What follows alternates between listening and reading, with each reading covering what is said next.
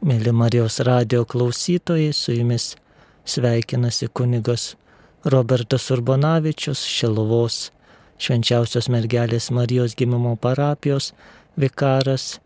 Šią dieną su jumis pakalbėsime apie piligrimystę, kas jinai yra ir kas nėra, ir kokie jos tikslai, kaip išsiruošti į tikrą piligrimystę, ko trokšti toje piligrimystėje kadangi vasara, polisio kelionių metas, tai ir yra daugybė turbūt piligriminių kelionių, taip vadinamų, ar kažkur toliau skrendant, ar vykstant autobusu, į kažkokias užsienio šventovės, ar čia Lietuvoje į šventovės kviečiama, turbūt visi daugiau ar mažiau esate girdėję ir esate sudalyvavę piligriminėje kelionėje.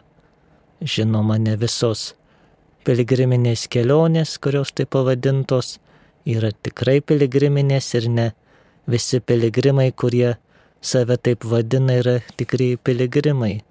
Taigi ši katechezė, minint šventąjį Jokūbą, apaštalą, kuris laikomas tuo piligrimų globėjų ypatingai žinome tą populiarią ir garsią piligrimystę į Santiago de Compostela Ispanijoje prie apaštulo kapo. Taigi šita proga ir yra pakalbėti apie piligriminę kelionę ir piligrimystę apskritai. Kaip jau turbūt suprantame, žodis piligrimas nėra lietuviškos kilmės, lietuviškai gal dažnai sakom keliauninkas, maldininkas, o piligrimas į mūsų bažnytinę terminiją, kaip ir dauguma bažnytinių terminų atėjo iš lenkų kalbos. Tai yra pelegžim, dar šitas lenkiškas terminas, o pati šio žodžio kilmė, pati šio žodžio šaknis, sakytume, šitas žodis yra lotyniškas, tai yra peregrinus. Šituo terminu, kuris iš tiesų yra labai senas, ne, ne šių laikų, taigi šiuo terminu antikinėje Romoje, tai labai senai, prieš kelias tūkstančius metų, buvo įvardinamas asmuo, kuris neturi Romos pilietybės, tai nėra, sakytume, Romos pilietis. Jis nėra vergas, tai yra laisvas asmuo, jis nėra ir barbaras, tai yra atvykęs iš, iš tų tolimų kraštų, bet jis yra Romos imperijos gyventojas, tik tai neturintis piliečio teisių. Tas pats žodis peregrinus išsiverčia per agar, tai yra už lauko ribos, tai yra už miesto sienų esantis asmuo ar pasakytume atvykęs, kaip dabar tai yra žmogus atvykęs iš provincijos. Ir krikščioniška prasme piligrimas imtas vartoti viduramžiais, tai yra tas asmuo, keliautojas, kuris irgi yra iškeliavęs, yra ne, ne savame krašte, tarp kitų žmonių, tarp svetimkalbių, tarsi neturintis čia savo žemiško būsto, keliaujantis į tikrąją tėvynę, turbūt kaip kelionės, kaip ir pačios piligrimystės idėja yra labai sena. Jis būdinga ne tik, aišku, krikščionims, tačiau ir judėjų, judėjų religijai. Žinome, kad judaizme yra tie, sakytume, tris kart metuose, kada reikia aplankyti Jeruzalės šventyklą, tai yra reikėdavo aplankyti Jeruzalės šventyklą ir Jėzaus laikais, skaitom apie Jėzaus piligrimystės. Islamas taip pat turi piligriminės keliones ir tą būtinai nukeliauti bent kartą metuose į Meką. Ir kitose religijose yra poreikis keliauti kažkur į šventą vietą, kažką pasiekti, kažką pamatyti. Taigi žmogus iš esmės yra homoviator, tai yra keliaujantis žmogus, ir biblinė prasme tai yra labai tikslu, nes visas mūsų gyvenimas šioje žemėje, visa mūsų žmonijos istorija yra kelionė. Kaip žinome, kelionė prasideda žmonijos, kuomet Adomas ir Jėva, pirmieji tėvai mūsų dėl gimtosios nuodėmės, dėl nepaklusnumo Dievui, turi iškeliauti iš rojaus. Ir nuo šiol visos tos kelionės ir yra tarsi troškimas sugrįžti į tą prarastą rojų. Žinome Abromą, patriarchą Abromą, irgi mūsų tikėjimo tėvą ir skaitome pradžios 12 skyriuje, kad Dievas pašaukė Abramą, sakydamas išeik iš savo krašto, išeik iš savo tėvo namų. Tai yra Dievas kviečia išeiti. Abromas, sakytume, yra tas pirmasis didysis piligrimas, kuris keliauja iš savo tėvo namų į pažadėtąją žemę, kurią viešpats pažadėjo jam atiduoti. Visa Abromo istorija ir yra, jeigu skaitome pradžios knygų tuos skyrius, tai yra nuolatinė kelionė, nuolatinės jo klajonės iš vienos vietos į kitą. Taip pat kitas asmo svarbus Biblijos yra Mozė, tai yra tas, kuris išvedė išrinktą tautą iš Egipto nelaisvės į pažadėtąją žemę. Tai irgi to istorija yra tos piligrimystės įvaizdis, kuomet išrinktoji tauta keliauja per pavojus, per per išbandymus, per nuopolius į pažadėtą žemę, į ten, kur, kur Dievas žadėjo ją atiduoti ir, ir padovanoti. Taigi kelionė, piligrimystė ir yra tas grįžimas į pažadėtą žemę, grįžimas į prarastą į rojų. Ir Jėzaus laikais, kaip jau buvo minėta, buvo reikalaujama visiems vyriškiams tris kartus pasirodyti Jeruzalės šventykloje, per tris metinės šventes ir tą matome, kad ir Juozapas, ir, ir Jėzus tą ištikimai vykdė. Tai išgirdime, kaip jie per Velykas Jėzus keliavo į Jeruzalę, per palapinių šventę. Tai yra, buvo atliko tas piligriminės kelionės krikščionybės pradžioje, kuomet baigėsi persekiojimai, tai yra, kuomet imperatorius Konstantinas 313 metais krikščionybė paskelbė, kad jinai nėra, nebėra nelegali. Tai yra už krikščionišką tikėjimą nebebuvo baudžiama ir ilgainiui, kai krikščionybė tapo oficialia Romos valstybės religija, suklestėjo krikščioniškos piligrimystės kaip tokios savaime, ką ir dabar žinome buvo statomos įspūdingos bazilikos, ypatingai šventojoje žemėje, šventoje Lena, imperatoriaus Konstantino motina, tuo rūpinosi ir pastatė Kristaus kapo baziliką ir Betliejų ir kitose vietose. Taip pat buvo keliaujama prie apaštalų kapų ar prie kitų šventųjų kapų. Tai yra krikščionis noriai leidosi į tas piligriminės keliones Aišku, tas pats piligrimystės suklestėjimas buvo viduramžiais, kuomet krikščioniškoje Europoje gimė tas piligrimystės kultas. Buvo netgi trys tos vietos pagrindinės, kur jau, sakytume, save gerbintis tikintysis, kuris norėdamas įsigyti tų nuopelnų, gauti malonių, tas tris vietas turėjo aplankyti. Tai yra, aišku, šventoji žemė, su viešpaties ir Marijos ir apaštalų tomis vietomis, taip pat Roma, kur palaidoti šventie paštalai Petras ir Paulius, ir jau minėta Santiago de Compostela, tai yra Ispanijos vietovė, kur nuo 9 amžiaus yra žinoma apaštalo Jokūbo kapas, tai yra pagal tradiciją ten palaidotas apaštalas Jokūbas vyresnysis. Ir piligrimai noriai ten keliaudavo. Kuo daugiau piligrimų atsirasdavo, tai yra prie tų piligriminių kelių ėmė atsirasti ir tai, sakytume, kaip dabartinė kalba kalbant, tai ko reikėjo piligrimams, tas aptarnavimo sfera.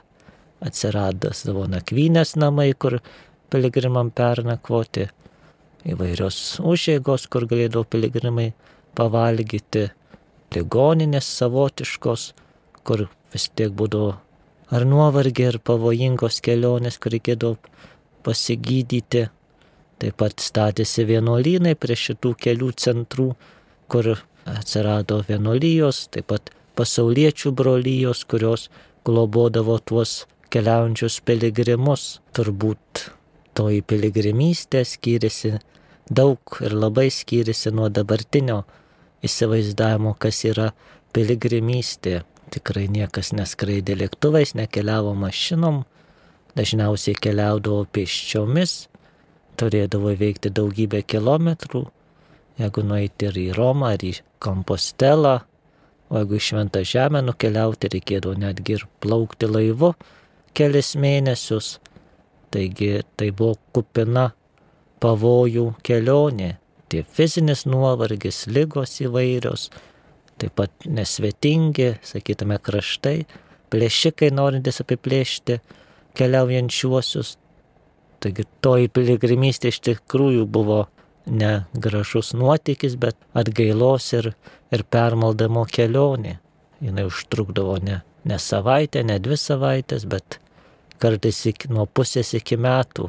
Todėl aišku ir reikėjo tų centrų, tų vietų, kur būdavo piligrimais pasirūpinama. Žinoma, šalia šitų didžiųjų trijų vietų kiekviena valstybė, kiekviena, sakytume, net viskupija turėjo savo piligriminius centrus tiems, kuriuo neturėjo tokios galimybės ir, aišku, finansinės ir, ir kitokios galimybės nukeliauti prie tų didžiųjų kapų Prie didžiųjų šventovių galėjo rinktis vietinės šventovės, tai dažniausiai koks nors šventojo kankinio kapas ar kitos šventos stebukladario kapas tapdavo tos vietinės bažnyčios piligriminių centru. Taigi žmonės visuomet traukė keliauti tas vietas, išeiti iš savo krašto, iš savo, iš savo namų, iš savo tos padėties, iš, iš savo supratimo ir leistis į į tai, kas nežinoma, kad atkeliauti ir patirti tą malonę. Taigi, piligrimystė kaip tokia pati savaime ir jau yra tos kelionės simbolis, kelionės iš, iš šio pasaulio vargų į, į amžino džiaugsmo tėvynę. Kaip šiais laikais piligriminės kelionės, aišku, labai populiarios ir labai, labai rekomenduojamos ir žinome, kad ir Yra tų daugybė firmų, kurios organizuoja ar į Šventą Žemę, ar į tą pačią Santiago de Compostela, ar į Lurdą, į Fatimą, į Guadalupę, į Medžiugorę, ar į dar kitus Ispanijos kokius vienuolynus. Tikrai yra daugybės pasirinkimų. Tiem, kuriem taip per toli yra Lenkija, yra čia Lietuvo šventovės, yra tie piligriminiai takai, kad ir toje pačioje Šilovoje ir gyvoji piligrimystė yra penki piligriminiai takai, kuriais kviečiama keliauti į Šiluvą. Tai yra ir šiais laikais žmonės, žmonės tikrai vyksta. Tik žinoma, labai dažnai tai, ką vadiname piligriminė kelionė, ar organizatoriai vadina piligriminė kelionė, gal, galbūt ir nėra pati savaime piligrimystė, turbūt jeigu kažkur patogiai nuskrendam į kokią šventą žemę su patogiu lėktuvu ar kažkur nuvažiuojam patogiai, paskui apžiūrim objektus, skaniai pavalgom, pasilsim, pasimaudom ir grįžę sakom, kad štai va, buvau ten, buvau ten, esu piligrimas, turbūt tai esu turbūt tik religinis turistas, kaip ir dabar yra tas naujas terminas įvardinti tam, tam tokiam turizmo rūšiai, tai yra religinis turistas, kuris aplanko šventas vietas, pasižiūri, pamato, pa, pabūna, pamato tos, tos tautos kultūrą, tos tautos, sakytume, virtuvę paskanauja, pasidžiaugia kelionę, kaip būdų ištrūkti nuo kasdienybės rutinos. Žinoma, tai nėra ir nėra blogai, jeigu žmogui leidžia galimybės, jeigu tikrai gali, tai yra labai gerai kažkur nukeliauti, kažką pamatyti, kažkur pabūti, kaip prelatas Antanas Rupšys, švento rašto vertėjas, sakydavo, kad iš kelionės tik asilas grįžta asilu. Kiekviena kelionė pakeičia, kiekviena kelionė kažką duoda naujo. Taigi, mėly Marijos radio klausytojai, šiandien kalbame apie piligrimystę, apie katalikišką piligrimystę, apie tai, kas jinai yra, kokios jos sąlygos. Taigi, piligrimystė toji bažnyčios, sakytume, laiminama, patvirtinama piligrimystė nuo turizmo ir religinio turizmo skiriasi turbūt savo tikslais. Jeigu turistas keliauja kažką pamatyti, dažniausiai turbūt jeigu kažkur ir mes keliaujame, matome, kad turistų grupė ar pavienė ar, ar su grupė tuoj pralekia kokią nors bažnyčią ar kokį nors ten įžymų objektą, tuoj ten gidas papasakoja, kada statyta, kokie ten architektai ką darė, kuo čia išimi, kas čia palaidota. Žodžiu, visi urmo pralekia, pafotografuoja ir, ir viskas tuo baigta. Taigi piligrimo tikslas pirmiausiai yra pati kelionė. Kelionė kaip padėka Dievui, kelionė kaip atsiprašymas, kelionė kaip prašymas. Kiekviena piligriminė kelionė turi turėti tikslą. Ne kažką pamatyti, ne, ne palisėti nuo darbo, ne, ne laiką prastumti, bet turi turėti tą intenciją, kaip mes sakome, bažnytiškai. Ir šitą intenciją yra aukojami tie nepatogumai laikinieji, kuriuos patiriam kelionėje. Nors šiais laikais jau labai sunku tuos nepatogumus patirti, nes turime ir išmanesias priemonės, kurios padeda nepasiklysti ir viešbučių tinklai nuo vienos iki penkių žvaigždučių. Ir atrodytų viskas yra puikiai padaryta, kad tik tai mūsų kūnai nepavarktų, bet tas nuovargis, ir fizinis nuovargis, ir emocinis kažkas tokį. Visada būna nerimas keliaujant, kaip ten bus, kas ten bus, vis tiek visko nesuplanuosi, visko nenumatysi, taigi šitie vargai yra jau piligrimystės dalis. Juos aukojame, juos skiriame siekdami tų tikslų. Taigi piligrimystės, tikros piligrimystės tikslai yra trys. Tai yra gali būti atgaila, tai yra, kad aš keliauju, aukoju tuos savo vargus kaip, kaip atsiprašymą už savo praeities nuodėmės ar už, už kažkokių kitų artimųjų žmonių ar, ar už tautos nuodėmės. Tai yra, sakytume, būdavo tie. Ar seniau žmonės ir dabar gal yra kažkur, ar tai basomis keliauja, ar, ar su kryžiumi eidavo sovietmečiu, ar vėl kažkokios kitos formos, tai yra, ar aš pats savo galiu tiesiog tą keliaujant pėsčiomis patirtą patirimą nuovargį skirtis, kaip už savo atgilą, kaip už norą pasitaisyti, ar, ar už savo artimųjų, ar už ar kitomis už kažką atsiteisiant, tikrai toji piligrimystė šis tikslas tikrai yra, nėra panaikintas. Taip pat kitas tikslas gali būti kažkokio įžado išpildymas. Ypatingai senais laikais, ar susirgus, ar kažkokiam mirtinam pavojui grėsint, žmonės dažnai padarydavo įžadą. Viešpat, jeigu pasveiksiu, tada palankysiu ten tą ir tavo šventovę, ten pasimelsiu ten ir ten, ar paukosiu votą, tai yra tą simbolinį ženklą kaip padėka už gautą malonę. Taigi, jeigu reikalai įsispręsdavo, jeigu ten, pavyzdžiui, pasveikdavo ligonis, ar įvykdavo tai, ko norėdavom, tada tas žmogus atlikdavo tą piligriminę kelionę. Taigi tą galima visai ir dabar. Tikrai kažkas nesisprendžia, ar lyga sunki, galima tikrai sakyti viešpatė, jeigu tu man padėsi, jeigu tai pagal tavo valią, aš paskui padarysiu tokią ir tokią kelionę. Ir trečiasis, trečiasis tikslas gali būti Tai yra piligrimystė kaip malonių prašymas. Tai yra aš keliauju ar į, ar į šventą žemę, ar į kažkokią Fatimą, ar Lurdą, ar, ar į Šilovą su tikslu ten pasimelsti, paprašyti malonių. Ar ligonėms sveikatos, ar atsiverdimo, ar sėkmės darbernu. Kiekvienas turime tūkstančius tų prašymų ir kiekvienas turime tūkstančius tų troškimų. Taigi tikrai piligrimystė yra puikus būdas tuos troškimus, sakytume, pateikti Dievui. Žinoma, galime sėdėti namuose, melstis tikrai Dievas girdi mūsų maldą, tačiau viešpačiui, manau, patinka, kuomet mes išeiname iš savo namų, iš savo tos susikurtos erdvės, kur viskas aišku, kur viską žinome ir leidžiamės į kelionę, kad patirime kažkokius fizinius vargus ar kažkokius suspaudimus, išbandymus. Visa tai yra to gyvenimo žemėje simbolis. Ir kuomet pasiekėme šventovę, mes tarsi išengėme į tą Dievo, dievo rojų, sugrįžtame į Dievo artumą. Neveltui dažniausia įvairios piligrimystės dažniausiai turi sąlygas, už kurias paskui gauname atlaidai.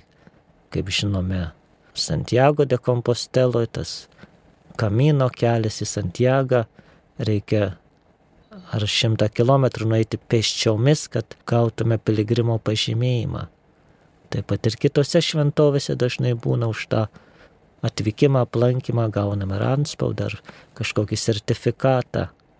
Tai yra, ar galiausiai pelnome atlaidus, nes tikrai kiekvienos šventovės aplankimas už jį yra duodami atlaidai, kas yra svarbu nepamiršti ir gal šiais laikais tas pamirštame, kad piligrimystės tikslas ar piligriminiai kelioniai keliaujant, ar atkeliavus į šventovę, ar iškeliaujant į tą piligriminę kelionę, tikrai yra svarbus mano paties asmeninis, sakytume, pastangos atsiversti. Tai yra, ar prieš piligriminę kelionę sudalyvauju mišiuose, atlieku išpažinti, ar piligriminėje kelionėje, jeigu keliaujame su dvasininku, ar atvykus į šventovę, tikrai toji kelionė nebus pilnai užbaigta, jeigu aš netliksiu išpažinties, ne, neprieisiu komunijos, nepasiryšiu, sakytume, būti geresniu. Nes kitaip tai bus tik vėlgi religinis turizmas. Aš atkeliauju, pasižiūriu ir, ir keliauju toliau. Tačiau mano siela tebe lieka uždara.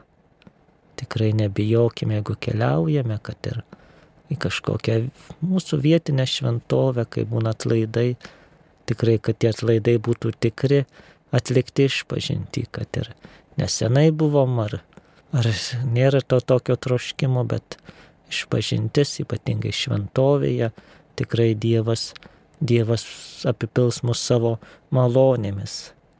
Jeigu vykstame į tolimesnę piligriminę kelionę, ar vykstame su grupe, būtų visai gražu, kad toji kelionė būtų palaiminta. Ar parapijos kunigo tikrai yra apieiginė, tos nustatytos apėgos piligrimų išlydėjimas ir pasitikimas. Ar keliaujančio su mumis kunigo, tikrai kuomet bažnyčia laimina, vėlgi visai kitaip toji piligrimystė vyksta. Tad tikrai nebijokite prašyti, kad ir jeigu ir su šeima kažkur keliausite piligrimystę, tikrai ateit ar priešmišęs, ar pomišių į Zakristiją, ar paprašyti ten esančio kunigo, kad sakyt, štai keliavome į piligriminę kelionę, tėvę mus palaiminkit, kad, kad Dievas mus globotų ir saugotų. Nes tikrai, kuomet prašome palaiminimo, viešpas tikrai laimina visą mūsų kelią. Taigi tikrai nėra svarbu piligrimystės ilgis, nėra svarbu piligrimystės sakytume, vieta. Svarbiausia tai yra mūsų nusiteikimas ir mūsų troškimas, mūsų intencijos.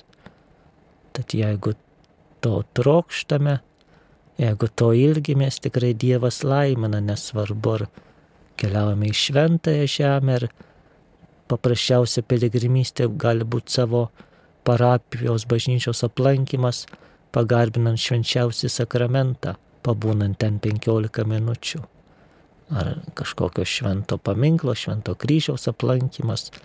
Ir tai jau yra piligrimystė. Ligoniai tie, kurie neina, ne, negali keliauti, kuriems sveikata amžius neleidžia, gali atlikti tą dvasinę piligrimystę, aplankyti mintimis kažkokią garsę šventovę, ar, ar kur ten yra koks nors žinomas paveikslas, tiesiog ir bažnyčia netgi už tai duoda atlaidus ypatingam ligonėms, seniems žmonėms visada, kai būna teikiami atlaidai už kažkokį šventovės aplankymą, primenama, kad dėl tie, kurie dėl amžiaus, dėl sveikatos negali atvykti, gali dvasiniu būdu mintimis jungtis. Tikrai Dievui nėra kliučių mus palaiminti, dažniausiai tik mes patys to nenorime. Taigi tikrai, ar tai būtų vasara, ar būtų ruduo, jeigu yra galimybės, tikrai drąsiai ryškimės keliauti į piligriminę kelionę. Net jeigu ir pradėjome kaip religiniai turistai, su noru pamatyti, su noru pabūti draugų kompanijoje ar pabėgti nuo kasdienybės rutinos, tikrai Dievui maloniai padedant galime tapti piligrimais. Daugybė žmonių liudyja, kad būtent kelionėje Dievas prakalbina jų širdį, lankant kažkokią šventovę ar kažkur kokio gamtos apsupty prisėdus mastant, siela ima kilti Dievo link ir daugybė žmonių vėl atranda tikėjimą, sugrįžta prie tos tikėjimo praktikos. Tikrai piligrimystė yra tas palaimintas būdas, kuomet viešpats mus gali prakalbinti ir, ir viešpats mus pakviečia pas save. Tad tikrai prašykime tos malonės, kad būdami šio žemės piligrimai, keliaudami per, per pasaulį, keliaudami į tą pažadėtą žemę, į tėvo namus, mes tikrai keliautume su tikėjimu, viltimi ir meile. Tikrai, kad mūsų piligrimystės būtų troškimas pasikeisti patiem, tikrai prašymas, kad viešpats keistų ir mūsų aplinkas, ir galiausiai prašymas viešpaties palaimos. Tikrai tas džiaugsmas, kuomet galima atvykti į, į trokštamą šventovę, į trokštamą vietą, tikrai viešpats atlygina už tuos kažkokius vargus, kurių patiriame. Kiekvienas turbūt paliūdyti savo širdyje, kad kaip gera, kaip pasiekė bažnyčią, kurią norėjai pasiekti, ar atvyksti į tą vietą, apie kurią svajoji atvykti, pasimeldi, pabūni, tikrai viešpats pradžiugina šimteriopai, negu būtum sėdėjęs namie, pasižiūrėjęs per kompiuterį, televizorių ar išgirdęs per Marijos radiją. Žinoma, vėlgi, turbūt būnant toje vietoje, kai kurią atvykstame, ar keliaujant, yra svarbu skirti laiko. Labai dažnai, ar tie, kurie tas piligrimystės organizuoja, ar taip gaunasi, kad svarbiausia tampa kuo daugiau objektų pamatyti. Ypatingai jeigu kažkur keliaujant užsienyje, tai čia tą vienuolyną, tą bažnyčią, tą, aną, trečią, ketvirtą ir gaunasi, kad įlėki, penkias minutės pabūni, pafotografuoji ir išlėki. Taigi tikrai geriau mažiau, bet geriau giliau. Geriau aplankyti vieną, du objektus, bet juose pasimelsti, pabūti bent pusę valandos, valandą. Tikrai tik tuomet gali pajausti tą, tą Dievo malonės veikimą. Nors šie laikai yra skubėjimo ir lėkimo laikai, bet vis dėlto išdrįskime neskubėti ir nelėkti, nes Dievas tikrai mėgsta kuomet mes nurimstame, Dievas tikrai mėgsta, kuomet mes įsiklausome ir atveria jam savo širdį. Tikrai nebijokime prašyti, nebijokime pasitikėti, viešpats tikrai mus neapleis ir, ir sustiprins. Galiausiai grįždami į savus namus grįžkime ne tik su lauktuvėmis ar ten saldumynės ar dar kažkokiais kitais daiktais, šventomis dovanomis, rožiniais, paveiksliukais, bet pirmiausia grįžkime geresni, ramesni, džiaugsmingesni, tai bus geriausia dovana ir geriausias liūdimas mums ir visiems aplinkiniams. Tai tikrai tegu viešpats laimina, mus tegu laimina mūsų piligrimystės ir galiausiai tegu laimina mūsų didžiąją piligrimystę per šio žemiško gyvenimo pavojus į tikrąją mūsų tėvynę, naują Jeruzalę. Amen.